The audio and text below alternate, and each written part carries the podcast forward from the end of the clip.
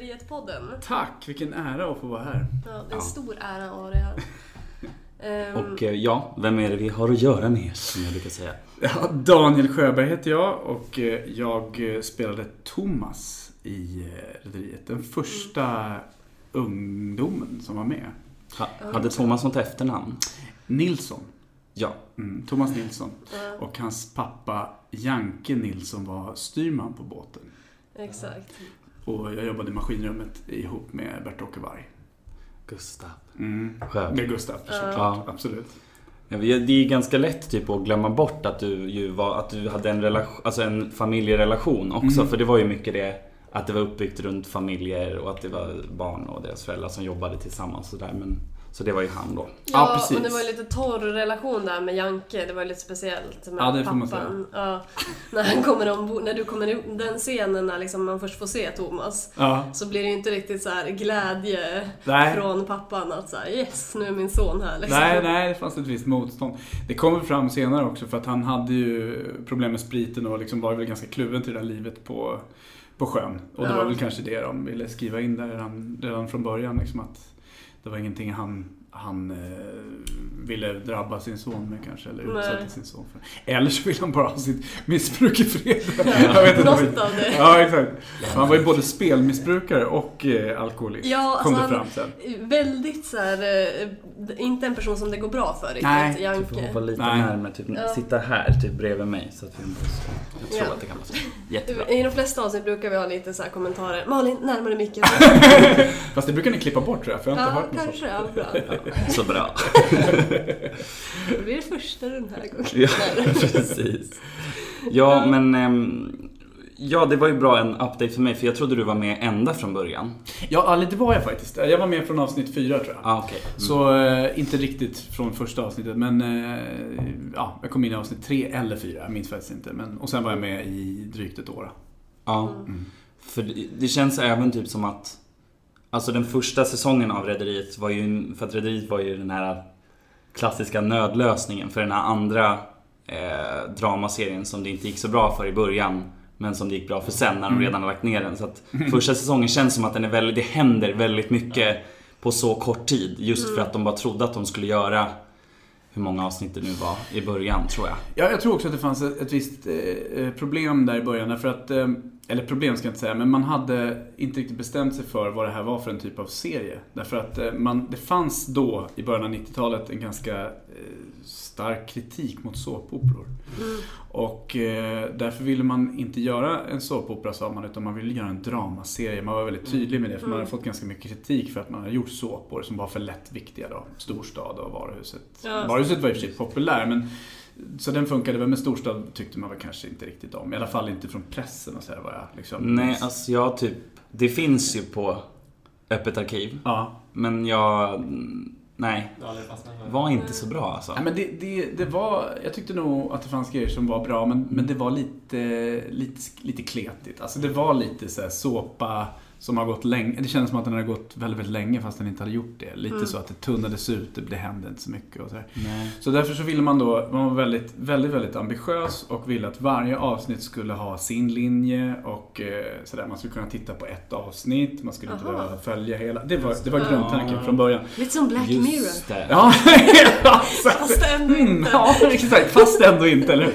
Eh, nej men så därför så, och det, jag tror också att det var därför som man fick med sådana skådespelare som Christer Henriksson som redan då var eh, liksom en Björn. väldigt tung skådis. Det. Vem- Han som spelade Björn med Ja, mustaschen. precis. Exakt. Med den fantastiska mustaschen. eh, eh, och eh, eh, Micke Persbrandt var ju inte liksom, han var ju inte känd då, men han var ju ändå liksom up and coming Ja. och lite så här het. Och, Mm. och även eh, Mikael Samuelsson som spelade kaptenen, eh, alltså pappan till min, en av mina love interests där. Eh, Han Rolf. spelade ju, hette han Rolf? Nej. Eh, Linas pappa. Linas pappa. Ja, det är Men Rolf. Dahlén. Ja. Rolf Dahlén. Exakt. Jo, han, han var ju en Dahlén också. Exakt. Ja. Precis. Jo, för han var ju också väldigt het och han hade ju precis gjort Fantomen på Operan och Mhm. alltså... Ja, sånt som man själv inte har riktigt sett. Nej, liksom. nej, precis. Det var ju en, en sen grej, men den gick under sex år liksom. Mm. Och, och, så här, och han, var, han var jätte... kanske framförallt en musikteaterkändis men, men också väldigt bra skådis och liksom Mm. sådär aktad verkligen. Så det, jag tror att det var en del av, eh, av Alltså det var ett av skälen till att man valde att kalla det för en dramaserie till en början och var väldigt liksom väldigt noga med det när man kommunicerade ut det och sådär. Men Mm. alla visste ju ändå att det var en såpa. Ja. Ja. Faktiskt. Därför att jag, jag, jag, hade, jag, var, liksom, jag var 19 när eh, gjorde, mi- när jag var med. Men redan då var jag ju väldigt inställd på att bli skådespelare och det fanns i mina kretsar då, som var lite så svåra teaterkretsar, så var det, så man såg ju inte med blida ögon på att jag, att jag, att jag var med i Rederiet. Därför att det var, det var fult. Ja. Alltså det, var, det går inte riktigt att förstå det idag. Jag kan själv inte riktigt förstå det. Mm. Men då var det verkligen så att folk avrådde mig från att ta det där Ja. jobbet. Men det var också för, För att att man du inte ung. skulle få en så här kommersiell, alltså så här, Nej, en precis. sån skulle- lätt, Nej, precis. Exakt. teat- typ av teater. Det var lite för lättviktigt. Ja. Det blev, det, det, man såg det som en ja, kommersiell grej istället för att göra liksom riktig teater. Starkt. Ja. Men sen är det klart, det har ju med, med åldern att göra också. För man är ju aldrig så allvarlig och seriös som när man är 19-20. Jag var nyss är klar liksom och så här ska ut och... Exakt. Men eh, kom du ihåg när du fick eh, erbjudandet om att vara med? Eller liksom när du fick ett ja eller så? Ja, absolut. Eh, Så här var det. Jag hade gått ut gymnasiet och gjorde en, novellfilm om en hjärtsjuk tjej. Och Vi spelade in någonstans på västkusten och då var det en fotograf från TV som hette Lennart Söderberg tror jag. Han eh, plåtade den filmen. Eh, som regisserades av en, en kille som heter Björn, Mel- Björn Malmberg. Eh, och, eh, och då sa han när vi spelade in den här, den här novellfilmen att du, de håller på eh, med en ny dramaserie på, på TV. Jag tror det skulle vara ganska bra för en av rollerna. Jag vet inte riktigt hur han kunde sitta inne med kunskap om vad de sökte för roller. Men förmodligen var det väl någon sån här grej att de hade pratat om den här unga karaktären som skulle Ja. sättas. Jag tänkte inte mer på det. Jag blev glad att han sa det. eh, För att det kändes ju som att han då tyckte att jag inte var helt värdelös. Eh, Men eh, jag trodde nog inte att det skulle hända så mycket med det. Men efter några veckor när, jag kom hem, när vi var färdiga med den inspelningen, så dröjde det några veckor och så, så ringde de från TV och frågade om jag ville komma dit och provfilma. Så då gjorde jag det och provfilmade några olika gånger. Eh, och sen fick jag det där och jag blev så fruktansvärt glad. Jag ihåg- Jag kommer ihåg att jag hoppade sönder min säng. Eh, jag bodde i en liten etta eh, och eh, jag hade, jag hade ringt hem till mina föräldrar. I Stockholm? eller? Ja, och sagt att jag hade fått det där. Och då hade de varit i lägenheten och, och ställt dit en miniflaska med Moët Chandon. Jag kommer aldrig glömma det. Eller Gula Änkan var det nog faktiskt. Ja. Eh, Finns det fortfarande? Ja, det finns, men Ja. jag vet inte om det finns. Det var en sån här halvflaska liksom. Ja, så det var på mitt 80-tals glasbord som jag hade Hemskt. I den här lilla lägenheten. Och eh, jag blev så fruktansvärt glad så jag bara liksom Ja. gick bananas. Ja, för alltså det är ju ändå en bra, även om dina, man i dina kretsar såg det som något liksom fult eller vad man säger, så är det ändå så sjukt att man når ju ut till Ja, hur Mm. mycket som helst. Man blir ju ett ansikte liksom. Ja. det gick ju inte att förstå på förhand vilket genomslag det där skulle få. Det hade jag tänkt på det hade man väl liksom Mm. knappt liksom vågat göra det. Eller jo, det hade man. Men det, alltså, det blev ju en, en, ett enormt genomslag verkligen. Mm. Mm. Just också för att det bara fanns två kanaler. Ja. Ja, Alltså- alltså, det fanns ju inte så mycket att välja på. Nej. Det är inte så att folk satt med Netflix eller Nej, satt och nej. liksom kollade på egna grejer på samma sätt. Nej, Hur, hur snabbt tog det innan man liksom märkte att det här kommer vara en stor grej? Det gick det liksom- ganska omgående faktiskt. Ja. Alltså redan innan vi hade premiär så skrevs det om det och liksom sådär och, och sen så när det, när det haft, eh, när det hade börjat visas så, så var det liksom, det var, det var från en dag till en annan så man, man märkte på folk att de kände igen en. Det var inte så att de kom Mm. fram eller så men, Stirrade till. ja verkligen. Mm. Eh, så det, det var oerhört tydligt, verkligen. Ja. Vi, vi pratade lite med Göran Gelinger som Mm. spelade Raspen också Mm. om att så här, att du bara Va? Fick du den där roliga rollen? Ja. Här, Hur var den grejen mellan er liksom? Nej men alltså, Kände ni varandra sen innan? Ja, vi kände varandra. Jag kände hans storebrorsa från början. Eh, och sen Just så det. lärde jag känna honom där, i, faktiskt i den vevan med Rederiet. Eh, när jag, eller vi träffades, vi var med i Storstad i ett avsnitt ihop. Han spelade en karaktär där och jag var med i något avsnitt. Och då, då hängde vi liksom två dagar på A1 där de här spelades in. Både Rederiet och Storstad faktiskt. Som var gamla studios som låg vid, eh, Musikhögskolan ungefär. Jaha. Gamla militär... Jag tror att det var det, alltså baracker som hade tillhört militärhögskolan som låg där förut. Och sen så hade de lagt ner och då så, så, så liksom etablerade de tv-studios där. Så där hade Rederiet sin scenografi uppställd i två stora studios. Så det var bara det som spelades in där. Och innan det var det då storstad, så då var jag där eh, och var med nå- två dagar och då hängde jag och Göran. Det var då liksom vi verkligen så här, och då var jag kanske 18. Så jag kände ni var honom. typ lika gamla? Ja, han är ett år yngre ja. Men Ja. typ, ja. Mm. Eh, Så då lärde jag känna honom och sen så, så var jag ju med i Rederiet. Och sen skulle de då ha, ha den, en ny kille, eh, en ny ungdom. Det fanns liksom bara plats för en. Eller en kille då.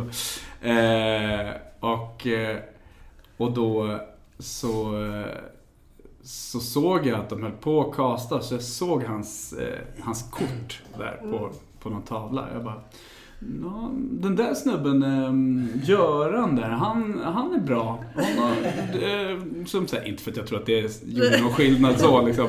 Men jag försökte att så här, göra det bara jag kunde för att lobba in eh, Men det var, ju, det var ju så otroligt stor skillnad på de här rollerna. Mm, för att hans, hans roll, det var ju liksom en sån här snubbe som var en strulig tonåring som man bara var tvungen att älska. Och jag menar, han gjorde den också fantastiskt bra.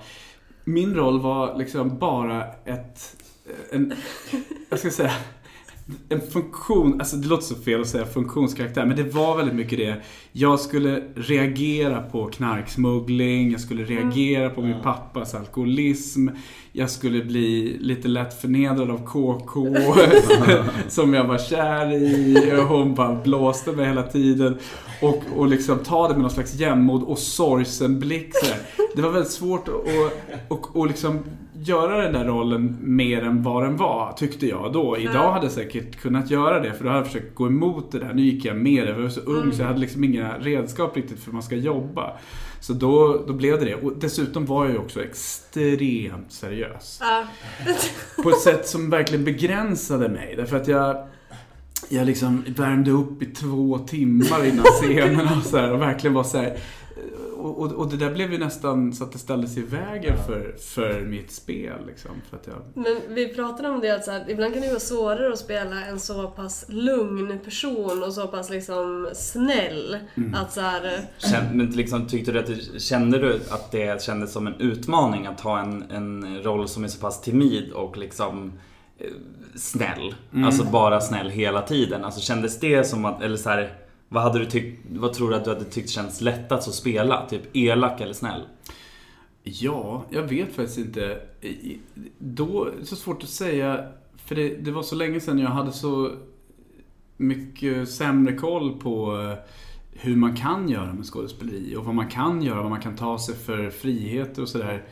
Jag tror att man hade kunnat komma åt ganska intressanta grejer med den här rollen om man hade gått emot det mer. Liksom.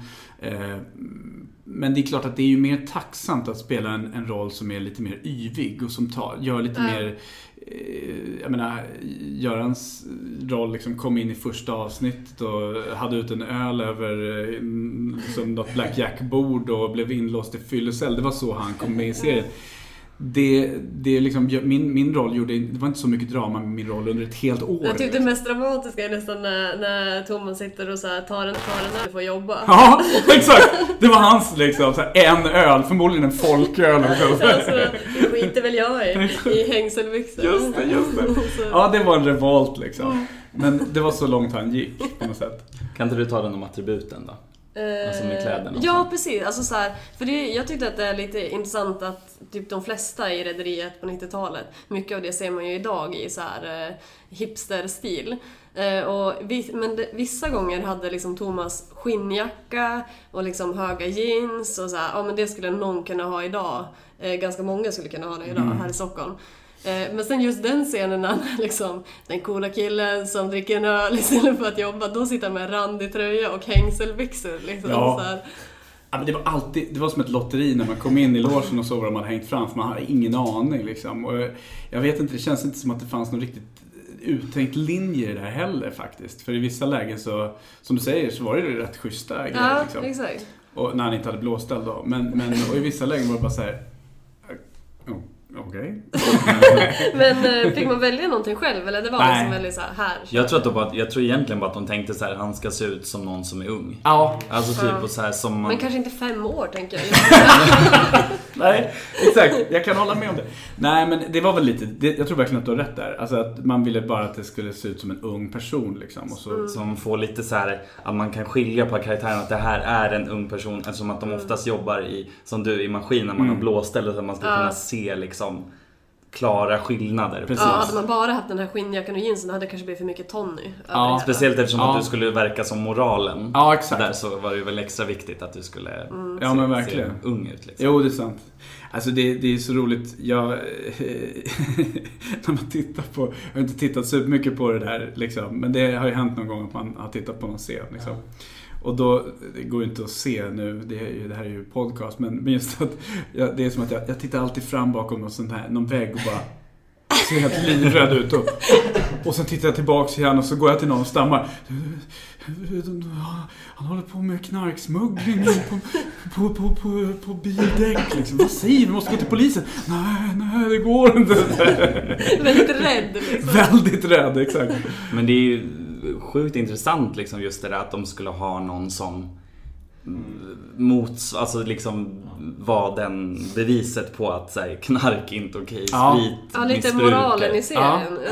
Jo, och, Det är som du säger att det behövdes ju. Ja, det behövdes verkligen. Ja. Och det var väl på sätt och vis ganska bra att göra det till en tonåring kanske för att eh, ja, det är inte vad man hade tänkt sig möjligen. Nej. Liksom. Att, det, att det var så de tänkte, så fanns säkert goda tankar.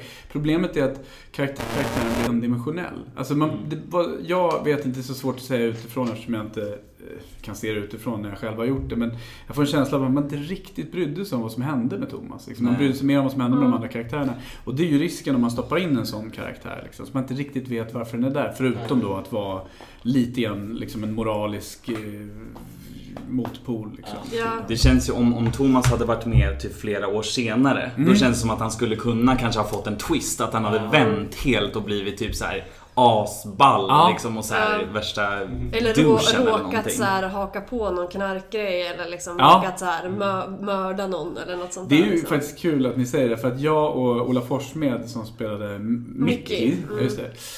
Eh, vi, vi känner varandra och under den tiden när han var med i Rederiet så, så sa han det, kan inte, skulle inte din karaktär kunna komma tillbaks? Och så kunde vi bli ihop liksom. Så, vi började så här. Och jag vet vad att han, gulligt det skulle Ja, vara. verkligen. Och, och, för då skulle man, det var så roligt för då sa han så här, för då skulle man liksom förstå också varför han var sådär mild din karaktär. och det var så väldigt sött. Och, He och had it upcoming. Ja, faktiskt. Så jag tror till och med att Ola föreslog det för manusförfattarna, men det liksom, ja, fanns väl inte plats för det. Men det hade faktiskt varit väldigt roligt, för det hade varit kul om den karaktären hade kommit tillbaks åtminstone någon sväng till Mm. och man hade fått Ja. fördjupa den lite. Det hade jag tyckt var kul. Sen hade jag dessutom, alltså för efter att jag var med i Rederiet så gick jag ju scenskolan. Eh, Så jag hade förmodligen också haft möjlighet att göra mer med den liksom, eh, senare, tror jag också. Ja. Mm. Nej men just det där med, han fick ju den här Patrik istället. Ja, just det. Nicky, när det stod Ja. det här med att han skulle ha något form av ragg liksom. Vilket jag fick reda på på Instagram idag. Att han också, som tusen andra i Rederiet, har varit med en gång innan. Vem Jaha. då? Eh, han som spelade, du vet, eh, Mickis första kille som, Ja. som hade familj. Ja, det, snyggingen med lite såhär ljust hår. Ja, precis. Han satt tydligen i baren i den här bombscenen i första, i första avsnittet. Nej, vad roligt. Sånt där är så himla kul när man får så här input av folk som också har sett det och som är så här sjukt Ja, för nördiga. hur många gånger har Liksom. inte vi sett det liksom? Men Ja, nej, jag vill inte ens det. berätta. jag har sett det. Jag har hört, ni har bekänt det tidigare på Tyckte det roligaste var som du sa Mario också att, Nej men jag, jag har inte sett den så, men jag har ju haft några gånger jag bara haft på den i bakgrunden som radio eller så, så här, när jag har liksom diskat Det eller jobbat. också. Det är Ja. fantastiskt, Ja. Ja, men det det är underbart. och när man har sett det så många gånger, då vet man vad som händer. Så behöver Man bara ljudet. Just det. liksom. Jag tycker jag måste bara få öppna den här nu. Jag har väntat i hundra år. Ja. Så, Mm, Chateau Neuf Truc. ja. Vi kan skåla lite. Ja det gör vi, skål. skål. Kul att äntligen få ha eh, ett avsnitt igen. Det var länge Ja. sedan. Så, skål, Vi har skål. ju haft lite drama här. Ja, jag hade en liten downperiod när jag bara Ja Men sen kom ju so- våra sommarprat på, Ja. på gång så jag bara Ja men fan vi river av några imitationer så blir det säkert bra. Ja, Så in och lyssna på dem. Ja, exakt. exakt. Mm. Eh, Och vi lovade att vi skulle ha en gäst i nästa avsnitt och det har vi ju nu. Ja. Mm. Ehm, ska du riva av eh, Ja. Din klassiska fråga. Jaha, om det var ditt riktiga hår? Jaha, ja. Jo, jo, det var det verkligen. Absolut. Eh, Det var det faktiskt. Eh, Det var nog ingen som trodde att det var en peruk eller? Nej, jag tror inte det. Det Ja, visserligen väldigt tjockt hår, men... Ja. men ja, Vi känner att den liksom måste få vara med Ja, det är klart. Vi kan inte riktigt släppa Nej, den. det Det är helt rätt. Det är klart. Den är som en lyckofråga. Ja, men eh, och sen vill vi veta lite vad du har gjort liksom efter Rederiet och vad du gör idag. Ja, men direkt efter Rederiet så gick jag ju eh, Teaterhögskolan i Stockholm då, som numera heter eh, Stockholms Dramatiska Högskola, men eh, den hette Teaterhögskolan då. Och den gick jag 93 till 97. Och sen så... Länge. Ja, den, den är Mm. fyraårig. Eller var det, nu är den 3 plus 2. De har gjort om det här systemet. Men efter det jobbade jag på Stadsteatern en period.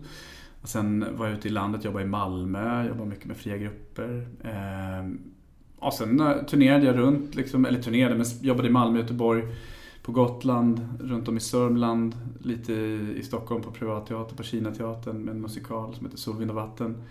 Ehm, och sen 90... 97, 98, eller säger jag, förlåt, 2008, åren bara flyger. 2008 så kände jag att jag liksom inte riktigt eh, pallade med och, och var borta så mycket. Mina barn var ganska små. De är födda 2000 2003 så jag kände liksom att det här är inte, det är inte värt liksom att vara borta så mycket. Så då började jag regissera de svenska rösterna till tecknade filmer. Och jag hade själv dubbat ganska mycket sen sent 90-tal. Så det dök upp som en möjlighet. Eh, och då började jag göra det och eh, jag hade, eller jag har haft scenjobb och, och så under tiden också, men ganska lite liksom. Så det är vad jag har gjort eh, liksom, större delen av min tid de senaste tio åren kan man säga. Och då har jag regisserat filmer som eh, Röja-Ralf, Monsters University, Brave, eh, Bilar 3 som kommer Så upp nu, Vajana. Dub, Ja, eh, dubbat. Ja, inte dubbat Nej, själv nej, utan nej. regisserat de svenska rösterna. Jaha, Ah, okej. coolt. okej. Mm. Eh, och sen har jag gjort massa röster själv. Jag gör den svenska rösten till Hulken bland annat och till Thor och till vissa av Batman och mm, ja, Ja, vad sånt. roligt. Var det Harry Potter också? Harry Potter är också en Och röst till. eh, Vem var, vem var du där? Jag var Viktor Krum. Han, eh, den eh, bulgariska Kidditch-spelaren. Ah, ja, okej. Som är ett as. Ja, just det. Men, Är det han som spelar, som är eh, i eh, Twilight? Nej. Ah, det vet jag inte. Det kanske det är. Jag har dålig koll på Jag har jättedålig koll på både Harry Potter och Twilight. Ja, jag med egentligen. Det visade sig nu. Men eh, jag tänkte, du har ju också varit med i, som röst i Alvin och gänget. Ja, just det. Pappan Vem- är ja, var det pappan? Jo, Ja. Precis, jo det stämmer. Och Teenage Mutant Ninja Turtles och... Men du har typ en sån röst. Man hör det att du kan så här. Ja, men bra, bra röst liksom. Ja. Sån här dubbningsröst. Ja, Ja. jag gör ju ganska mycket olika. Alltså pappan i Alvin och gänget är ju väldigt, är ganska high-pitchad liksom. Här. Medan Hulken är ju extremt growly och mörk liksom så, här, så man får jobba mycket. Vilken är roligast då? Eller har du haft någon som var så här, det här var en väldigt rolig röst att göra? Ja, alltså Hulken är ju fantastiskt rolig att göra men det är bara så sjukt jobbigt. Alltså, det, Hur jag kan inte? Ja men det, är- jag tror inte micken kommer inte palla. För att det är liksom... Ett litet test. Okej, ja okej då. Hulkkrossa! Jag bara flög bak. Det där kommer ni få klippa bort för det kommer inte gå, det kommer dista. Du får försöka sänka ner Ja, det. exakt, exakt. Men, eh, nej men det, det, det är jättekul att göra men, men det är liksom en killer för rösten. Så man får, Ja. man får verkligen eh, liksom, köra en timmars pass eller möjligen två timmars pass. Liksom. Ja. Nej men sen sen- senaste åren så har jag börjat eh, göra mer musikal igen. Så jag är ute nu och turnerar med en eh, musikalkonsertturné som heter Från Broadway till Duvemåla. Som eh, spelar i hela landet och eh, har spelat i ett och ett halvt år.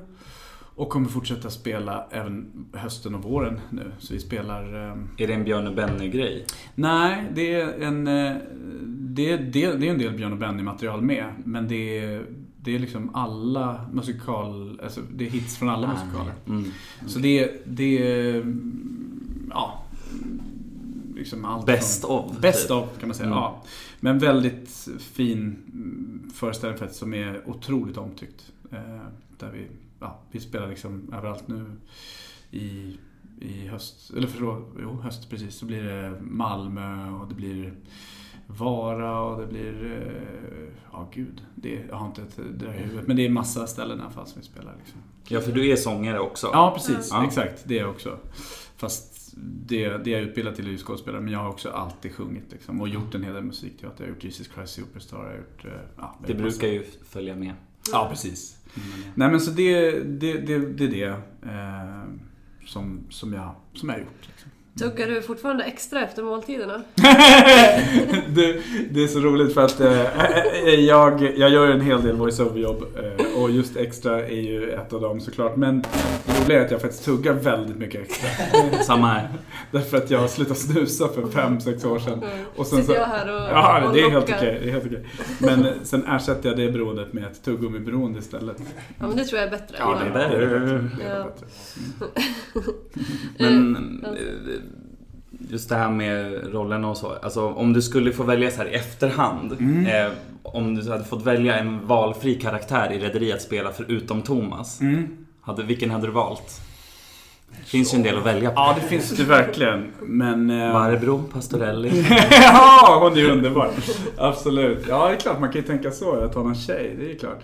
Eh, men jag tror nog att jag hade tagit eh, någon av de här bad guysen. Alltså, eh, Christer Henrikssons karaktär var ju faktiskt jävligt kul. Björn Lindman. Björn. Lindman. Det var väldigt rolig. Han var det- slug. Han var slug och, Ja. och, och liksom ett as. Och han kom Även tillbaka på så många tillfällen. Så här, Ja. alltså, så här, när man minst anar det så var han där igen. Liksom. Och- Ja. Men även, vad heter han, Bjurman? Eller vad heter Henrik han? Bjurhed. Hen, Henrik Bjurhed, just det. Han var skön också, för han var också så här scheming liksom. Ja, men han gick det så dåligt för ibland och ibland gick det svinbra. Ja, det är så här, sant. väldigt mycket olika. Men vi har ju en speciell scen som vi ser med honom ganska ofta. När han står och har sökt jobb. Och så står han liksom och får i högtalaren bara tyvärr, du har inte gått vidare. Nej. Det är nog liksom- en högst den konstigaste scenen i hela serien. Han, liksom, han, har- för han har precis blivit av med jobbet på Dahléns och ska, måste ska söka något jobb och det går så jäkla dåligt. Och han kommer till en vänthall där han ska liksom bli insläppt på någon sorts kontor för någon sorts intervju. Och så är det så här, hallå? Alltså så där, jag hör liksom i högtal, någon sorts högtalare som inte syns. Nej. Och så bara, ja det är jag, Henrik Bjurhed. Så bara, Till alla. ett så ögonblick. Tyvärr har inte kommit vidare. Han bara, nähä. Så går han och så ser man någon tant som och kollar genom en gardin bara. Så Jättesjukt skum. Ja, för om man ska göra något overkligt då kan man göra något lite roligt eller något konstigt. Ja. Ja, den var svinkonstig. Sen blev han taxichaufför. Jaha! För jag kommer ihåg när, när det gick bra för honom, då, då hade han en lägenhet som var helt sjuk. Och de spelade in det, kommer jag ihåg, uppe i Wennergrens center. Jaha. Längst upp i Wennergrens center. Vid Ja. Sluss? Nej, det ligger var- vid eh, Hagaparken typ. Alltså Jaha. i förlängningen av Sveavägen, det här höga huset. Ja, som är lite olika färger typ. Ja, precis. Så Aha. han fick liksom ha en, en penthouse där. Det är Eh, där Renate vaknar upp. Just det, exakt. De har Renate vaknar upp eh, Ja, i den där lägenheten. Tillsammans. Just Nej men det, jag vet inte om det är då. Ja men det är i alla fall, och, för, och jag tror också att det är någon, någon shot på kvällen i, när de är, är det Ja. inte det? Ja. Jo. Jag trodde det var typ i skrapan först. Mm, det kunde det också ha varit, Ja. absolut. Men då var det fortfarande skattekontor där så jag tror Ja. inte de fick komma in. Men däremot, eh, där hade, fanns det väl något ställe som de fick komma in i. Precis, för något där- sånt där brukar vi prata om mycket Ja. så här eh, platser Mm. vad, där man har spelat in för det är ju så sjukt mycket olika platser. Ja. Och så jag, så jag känner nog igen mig lite bättre än vad du gör Ja, Malin gud här. ja. Alltså jag har inte så bra koll. Man kollar lite när man har sett det så många gånger så Ja. det så här. Var är det där någonstans och så här. Men Ja. ja, intressant. Ja. Sånt där är ju skitkul att veta Ja, liksom. Ja. verkligen. Ja men det kommer jag ihåg att jag, jag kommer ihåg det speciellt för att jag tyckte det var så jävla coolt liksom, att de kom in där Mm. och fick, ja, för det är ju en satsning liksom. Och de har ju någon festvåning längst upp där, det är möjligt att det var den de inredde på något sätt. Jag Ja, vet för faktiskt det var ju typ en etage eh, Ja. med någon så här spiraltrappa typ. Ja, då är det nog den festvåningen. Den är skithäftig. Jag har varit där på fest någon gång. Det är riktigt coolt alltså. Mm. Men eh, har du någon favorit, eller i och för sig hade inte Thomas så många ragg, men eh, vilken är din favorit av Thomas ragg? Ja du, alltså um, uppenbarligen så det måste nästan bli Lina i så fall för att hon var ju schysst i alla fall till skillnad från KK. Men eh, han hade ju bara två som Mm. sagt. Så det är lite, det, det är lite Svårt att... Ja. är svårt att välja någon. Du säger att, liksom att hon playade med honom, men var inte hon intresserad av KK? honom? För hon blev ju skitsur när han fick det där brevet Jo. från Lina som hon snodde och läste Ja. upp för honom. Ja, alltså det där var ju så svårt att veta för att det, det kändes ju som att hon var intresserad av honom. Men sen fick man ändå, jag fick ändå känslan av att hon mest ville att han skulle vara intresserad av henne. Snarare än att hon var intresserad av honom. Ja. För de hade den här, de hade någon eh, scen, någon hångelscen, kommer jag ihåg, som vi gjorde eh, i, eh, i hans hytt. Och det kändes som att det skulle liksom bli på riktigt så här, dem. Och då blåste hon honom igen och bara gick därifrån. Jag kommer inte exakt ihåg vad hon hade för liksom... Jo, jag tror att han skulle gå in på toa eller någonting och när han kom tillbaka var hon borta. Nej, jag kommer Ja, inte ihåg, det var något sånt där. Ja, det var Det kan ha varit din näckscen. Har inte du en sån? Det kan jag ha. Jag jo, jo, för jag tror, Jag ska att, jag tror att de skulle ligga. Ja, Och jo så, men så det var springer han och ja. bara in på toan och Just bara det. Jag ska bara ta av mig kläderna. Ja, typ så ja. Och sen så går de och så så kommer han roligt. Vem ut. går in på toa och tar av sig konstigt! Men Thomas, Ja, uppenbarligen. men det var ju en sån, sån typisk manuskonstruktion för att Ja. hon skulle kunna dra. För det är så svårt med de här, de var så små de här hytterna. Fast det, fast det är ju, om någon, det är någon som skulle göra så så är det ju Thomas. Ja, det är sant. Ja, kanske. det är sant. Pryd liksom. Ja, frid. Vi ska visserligen ligga, men jag måste klä av mig på toaletten. Ja, men det, det, var ju, det var ju liksom, det var ju på något sätt den yttersta förnedringen. Ja. För att då var Dog det... vägen. Exakt. Stackarn. Ja, herregud. Ja. vad står det mer? Ja men hallå, du har varit med i en Beck-film också, väl? Ja, två faktiskt. Vilka? Mm. Rum 202 och Familjen. Är de här med, är det med Peter Haber eller med... Ja, det är med Peter Haber. Alltså de är ganska... Beck, alla de senare Ja, det, det är han ju. Men det, det här, de här kom kanske för två år sedan eller något sånt där. Eh, så det var de sista med Micke Persbrandt, tror jag. Eller om han var med någon till efter dem. Eh, det var nog. Men var det samma karaktär i båda? Ja, det var det. Precis. Thomas igen. Thomas igen. Ja. Det är så sjukt konstigt, för jag har verkligen tänkt på det också. Ja, samma att jag tror att jag har spelat tre Thomas. Va? Vilken är Eh, det sista? Ja, det kommer jag inte ihåg nu, borde jag ha kollat. Men, eh, men de två heter i alla fall Thomas Ja. båda två, vilket är superskumt faktiskt. Eh, Det kanske var det Thomas Rederiet gjorde. Blev polis. ja. ja, inte helt Trygg och lugn. Ja, exakt. väldigt såhär moral. Exakt, ja det kanske, kanske var så. Den perfekta polisen. Exakt. Men, ehm, vad skulle jag säga? Ja, du, nu, nu är det mycket här men Berätta, alltså skilda världar. Eh, ja, Skilda världar, ja. Eh, Jag bara, vem tusan är den här karaktären? För jag, Fredrik Ja. är ganska bra på skilda världar. Ja, nu ska vi se. Alltså, han eh, kom med. Det här var precis innan de började göra varje dag såpa av det. kan det ha varit jag. 99? Mm, kanske. Eh, han, han var i alla fall en snubbe som jobbade, jag kommer inte ihåg vad han hette nu faktiskt. Men han Leif. Jobb, Leif, just det. Just det. Han, han jobbade i baren eh, och han eh, hade någon, eh, det var en tjej som jobbade där också som precis, eh, som var i trubbel på något sätt. Och eh, han hade någon hang-up på henne. Och sen så så var det någon kille som eh, tog kontakt med henne som han slog ner. Det var, om det var någon av de fasta karaktärerna. Han var ett riktigt psycho. Alltså riktigt tok-psycho. Gud, jag kommer inte ihåg det. Nej. Vi får Men, kolla upp Leif. Alltså, Ja. ja, men jag kan, han var inte med med tre avsnitt kanske. nej. Alltså det var väldigt lite. Kan det ha varit på Blå Valvet? Nej, det var det inte. För det hade jag nog kommit ihåg. För det var den här lunchrestaurangen. Ja. typ, eller hur? Nej, Men det fanns Det här- en bar där också. Ja, okej. inte. Nej, men för det här spelades in på Söders Hjärta minns jag. Och eh, det var liksom en bar som inte fanns med i serien i övrigt. Utan det var att den här unga tjejen då jobbade där. Och hon, jag vet inte riktigt vad hon hade för, jag tror inte hon var med superlänge hon heller faktiskt. Men hon, hade, hon var med någon säsong i alla fall tror jag. Okej. Och hade något trubbel. Jag vet inte, hon hade väl inte själv suttit i fängelse kanske, men någon annan hade det. Eller du vet, det var lite så här shady business. Ja. Och ja, han, han slog ner någon med ett järnrör snubben. Riktigt. Lite för sin tid. Ja, ja, exakt, exakt. så att säga. Mm. Ehm, ja, det är... Ska vi se. Mm, kan du ta den här härliga? Eh, vilken som var din favoriträtt på 90-talet? Om du kommer ihåg. Oj. eh, jag måste tänka. De normala nästan- frågorna står som spön. Om vi pratar tidigt 90-tal eh, så måste jag nog säga att det var tunnbrödsrulle med räksallad. För det, det käkade alltid jag och Göran när vi hade varit ute på, på kvällarna. Och vi hängde väldigt mycket i början av 90-talet. Och då, då avslutade vi alltid på Maria-grillen så här framåt tre. med en, en, en tunnbrödsrulle med räksallad. Toppen kost när man ska gå och lägga sig. Ja, Ja, perfekt. Mm. Håller med. Mm. Men eh, vad har du för favoriträtt idag? Samma. Nej, idag... Hmm. Min dotter har precis blivit vegetarian. Och, eh, så att jag har liksom fått utöka min eh, palett vad det gäller matlagning. Eh, väldigt kul faktiskt med vegetarisk mat tycker jag. Eh, så det, om man ska prata generellt så här som mattyp så tycker jag att det är faktiskt roligt. Mm. Men eh, favoriträtt, jag tycker det är så himla kul att laga mat och så finns så mycket god mat. Vad ska man tänka? Mm. Vilken har du just nu Fredrik? Jag? Ja. Mm. Just nu. Just nu, jag tänker att det kanske varierar nu. lite. Ja. Det är fan Red Curry alltså. Red curry. Den är klassisk. Mm. Den är, det är inte som att den är ny, men det är bästa. Mm. Thai House Wok Hornsgatan. Ah. Bästa. Men nu pratar vi alltså restaurangmat. Ja, jag vet. Det Ja, kan det är det man jag- jag alltså min favorit är kåldolmar.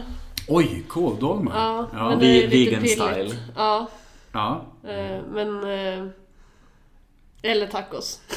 Ja, du gör ju väldigt bra. Men gör du veganska tacos? Ja, Mhm. med, med svarta bönor Mm. eh, och sån spiskummin. Mm, Eh, och sen så, ja, hela tomater. Det är bättre med hela än krossade på bordet. Ah, Och sen får de liksom koka ihop så det blir som en eh, gegga. det låter smart. Mm, och så mycket koriander, det gillar ju inte Fredrik. Men...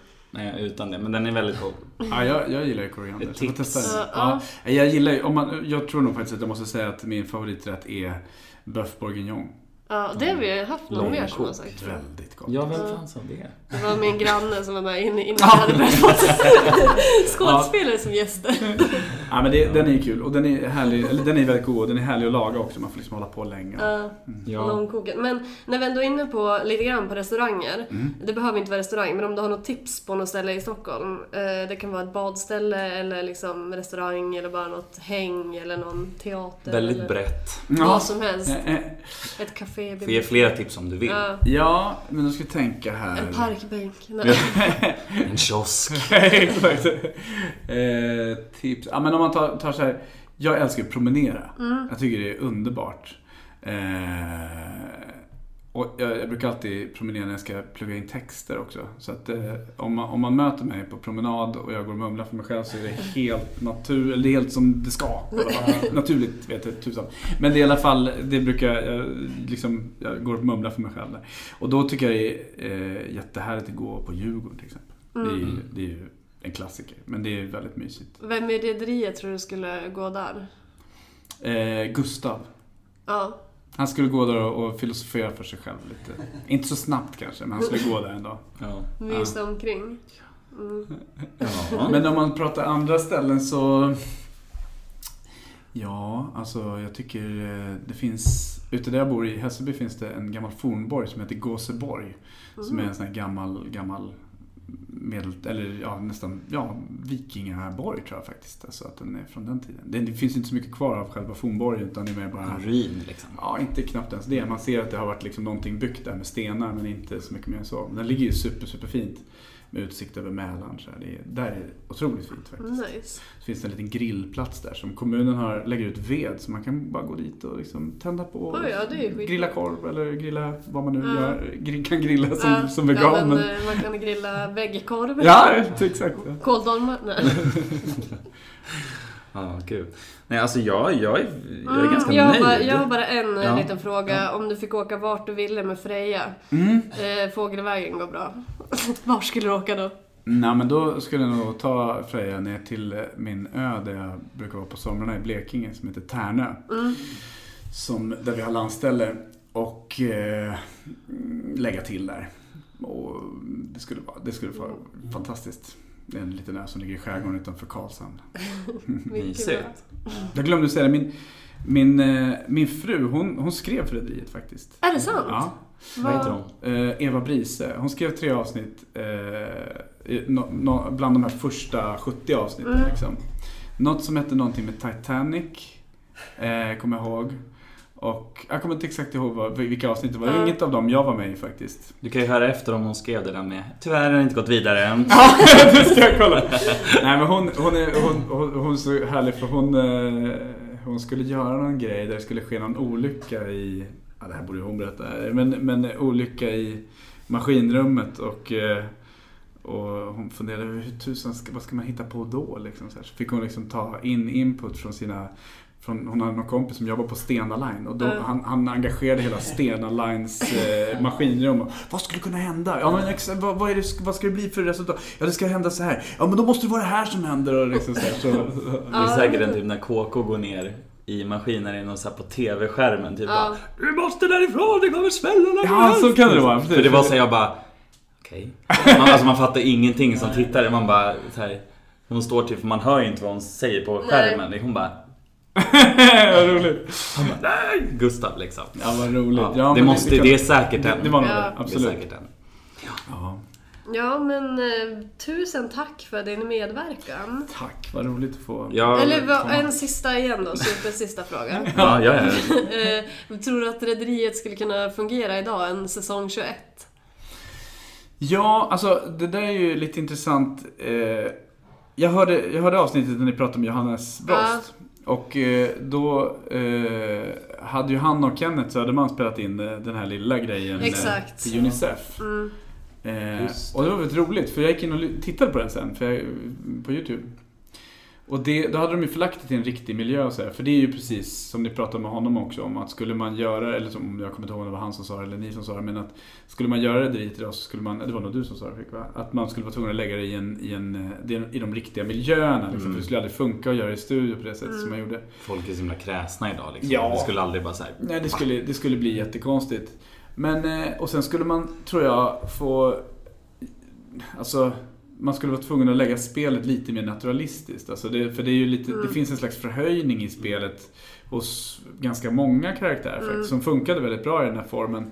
Men skulle man göra det eh, igen så skulle man nog vara tvungen att göra, göra lite mer naturalistiskt spel. Alltså lite dokumentärt nästan, fast ändå inte. Liksom, Ja, på något sätt. Alltså, och mer filmiskt liksom. Och att, eh, att, att karaktären också fick ha problem som verkligen var på riktigt. Att det inte är såhär voodoo-dockor. Nej, exakt! Nej, Och nej, typ precis. kanske liksom till och med att vissa av de här stora karaktärerna som är tunga liksom så kanske skulle vara av det motsatta könet. Ja. Också typ att Reidar skulle ha varit en kvinna Ja, och att Renate skulle ha varit en man. Ja. Liksom, och så Ja. här, Som kanske hade varit gay. Alltså Ja, så här, ja, såna exakt. grejer. Typ. Jo men det, det hade nog, det hade, det, hade, det hade man nog fått, åt det hållet hade man nog fått gå. Och jag tror att en, ett, ett av skälen till varför man inte har lyckats, eh, för man har ju haft eh, planer på att göra det igen, är att man inte riktigt har liksom lyckats fundera ut hur man ska förhålla sig till det här. För att eh, det, det skulle verkligen krävas en regissör som gick in med passion och, och manusförfattare och liksom verkligen ville göra det med allt det där gamla men med en helt ny input. Mm. Och jag tror säkert att det skulle kunna bli väldigt bra faktiskt. Speciellt som den är liksom, den den var så otroligt populär. Eh, Men jag tror inte att den skulle kunna gå och ta upp och göra många avsnitt av. Men sen man skulle kanske kunna göra en miniserie eller En liten liksom... spin-off bara. Någon liksom. liten. Ja, men det skulle aldrig funka liksom i någon längre... Det tror jag inte. Men Mm. Det finns för mycket. det finns Men för kanske mycket, typ en precis. film. En film eller en miniserie. Det tror jag absolut. Det skulle nog säkert kunna funka. Det tror jag. Ja. För det är en bra arena, den här båten, alltså just den här begränsningen som finns på båten. Och sen det här livet i land med kontoret och det liksom, Mm. som ändå kan bli ja, det andra. Sådär. Det, Just det, för de snackade ju om att det skulle, att de ville ju fortsätta, när vi pratade med Camilla, att de ville, alltså ville att det skulle fortsätta i land, Ja, som ja. ett hotell. Ja, ja. Fast det blev ju inte av, Nej. vilket är nog bra. Ja, Ja. det tror jag också. så. Det tror jag också. Mm. Men eh, vad roligt. Jättekul. Att träffas. Jättekul att få komma. Och fikabröd står orört. Men det tar vi nu. Ja. Exakt, nu mumsar vi. Ja. Ha det så bra. Tack Tack så jättemycket. Tack Hej då! Hej då! Och då är vi tagning två. ja. Ja, vi får inte, vi hade ju något mer. Du vill, vill en liten input, input, varför säger jag det? Någon, berätta, vad, det var någonting du ville tillägga. Ja men det, det, det var så kul för att eh, Alltså hela Rederiet-gänget var ju verkligen, precis som flera andra har sagt i, som ni har haft här, att det var väldigt familjärt och man kom varandra väldigt nära. Sen, alltså vi hängde en del eh, privat också, men just att man, man jobbade så intensivt liksom, så blev det blev faktiskt som en liten familj. Sådär. Och en, eh, en person som, som jag fick väldigt nära kontakt med var Kenneth Söderman som spelar Tony. Eh, han var kanske tio år äldre, eller är tio år äldre än jag. Eh, men liksom fortfarande ja, i den yngre generationen liksom, om man jämförde med många av de andra i gänget där. Och jag höll på och sökte scenskolan eh, samtidigt som jag spelade in de sista, eh, sista halvåret där. En ganska lång process, man, det är fyra prover och det är mycket monologer och sådär. Man behöver liksom ha någon som som, eh, som läser med en, brukar man säga. Man läser, till, till, läser med någon till, till eh, Teaterhögskolan. Och, eh, så jag frågade Kenneth om han ville läsa med mig. Så vi höll på och han jag tyckte ja absolut. Så vi, vi hade något eh, konferensrum där på A1 där vi spelade in Rederiet. Så efter att vi hade avslutat eh, inspelningarna för dagen så gick vi upp en trappa och, och eh, körde monologer, Molière-monologer och Norén-monologer och liksom så här, jag och Kenneth. Och det var så otroligt fint för att eh, det var verkligen, alltså hade inte han gjort det jobbet med mig och verkligen kommit med den inputen han gjorde, otroligt eh, bra grejer han kom med så där, som jag tog med mig och som jag har tagit med mig efter det också. Ja, hade inte han gjort det så, så hade jag inte kommit in helt enkelt. Det var verkligen eh, ett otroligt, en, en, en viktig grej liksom. Och eh, nu har jag inte pratat med honom på ganska länge, men vi hördes på telefon för några år sedan. Sådär. Eh, och han har ju lagt av med skådespeleriet, men, eh, men vi, vi säger hela tiden att vi ska försöka ses. Vi får försöka få till det helt enkelt. Ja, mm. vad härligt. Mm. Ja. Fick vi med det med? Mm. Ja, mycket bra. Tack. Ja, men, ja, eh, men, nej, men, men, jag tänkte bara, är det någon annan förutom eh, typ Ola och eh, Göran som du hänger med sen rederietiden? Eh, ja, alltså... Jag hänger inte direkt med Ola, men, men så här, vi känner ju varandra liksom och Mm. ses. Men, men eh, så den, den jag hänger med, det är väl egentligen Göran. Men, men det är klart att eh, det blir liksom väldigt kära återseende med många när man ses. Och Pia Gren till exempel som spelade Görans mamma där i Ja, serien. Sara, kapten Eh, Sara. exakt.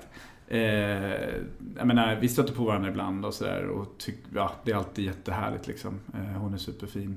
Och eh, vilka är det mer? Anders Ahlbom Rosendal som spelade han spelade en karaktär som var i Maskin... Yngve, tror jag Ja, han ja, Yngve. ja, som ju var bindgalen. Han var Riktigt skum Alltså han och var typ oklar den, den karaktär. sjukaste i hela rederiet. Som, som från början tycker man det var sjukaste var att han åt en sockerbit. Ja, Medan i slutet var att han stack ut ögonen på olika kvinnokortbilder. Ja, det Typ. var verkligen... Vilken, vilken twist alltså på den karaktären. Vad gör han idag? Är han fortfarande skådespelare? Ja, han är skådespelare. Ehm, han, han har gått i pension. Han var på Stadsteatern i många år och gjorde mm, liksom alla stora roller och sådär. Men nu har han gått i pension från Stadsteatern. Men han gör en monolog vet jag på Långholmen eh, som, som kör ganska mycket. Som handlar om eh, den sista människan som blev avrättad i Sverige. Som jag nu inte kommer ihåg vad han heter. Men han gör en, en monolog i alla fall med det. Mm. Eh, Bland annat. Och sen filmar han lite och sådär. Eh, Och honom har jag eh, träffat en del, jobbat med på studion och sådär också. Mm. För att, att tagit in när jag liksom, ja, regisserat honom i dubbsammanhang. Liksom, sådär. Eh, han är ju eh, jättehärlig. Och så är det ju med, med en hel del av de andra också, att man jobbar ju ihop. Liksom. Mm. Det är, överhuvudtaget så, så är det ju så otroligt, eh, nu har jag sagt otroligt 400 gånger Ja, tror jag. men det är lite som vi med Eminem. Som jag med input. Man har sina ord. Ja, man har sina ord. Eh, nej men det är ju, det är ju en, eh, sån, eh, ett sånt privilegium att eh, få jobba med det jag gör, eller mm, att i den här branschen. Man får ju liksom jobba med sina kompisar hela tiden. Vilket är fantastiskt kul. Ehm, så att man stöter på varandra en hel del den vägen. Och då blir det liksom som en halv social, halv jobbgrej. Liksom. Eh, eller man, man i alla fall, man, man, man ses den vägen liksom. Så att en hel del människor ser, människor ser man ju den vägen, även om man inte kanske umgås dagligen. Liksom. Ja. Mm. Mhm. Men alltså, tack så jättemycket för att du ville Tack. vara med i det tack. här. Tänkte jag säga, men jag tänkte säga tack Malin för att vi inte har sagt eminenta en enda gång. Förutom när du nu sa det, att vi alltid säger det. det. gjorde vi riktigt bra. Ja, high five. Otroligt! Otroligt bra. Hej då. Gött, Hej då. hej då! Men Renate, vad är det? Hur mår du? Jag mår bra, jag mår utmärkt. Jag har aldrig mått bättre. Ja, men kära barn. Ska du inte vila lite? Jag tänker flytta härifrån, pappa. Jag tänker flytta långt härifrån. Men Renate. Jag tänker ta det till punkt nu också. Jag älskar dig så mycket, pappa.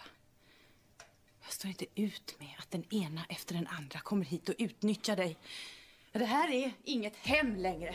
För det här är ett första klassens hotell med andra klassens gäster bestående av så kallade nya familjemedlemmar.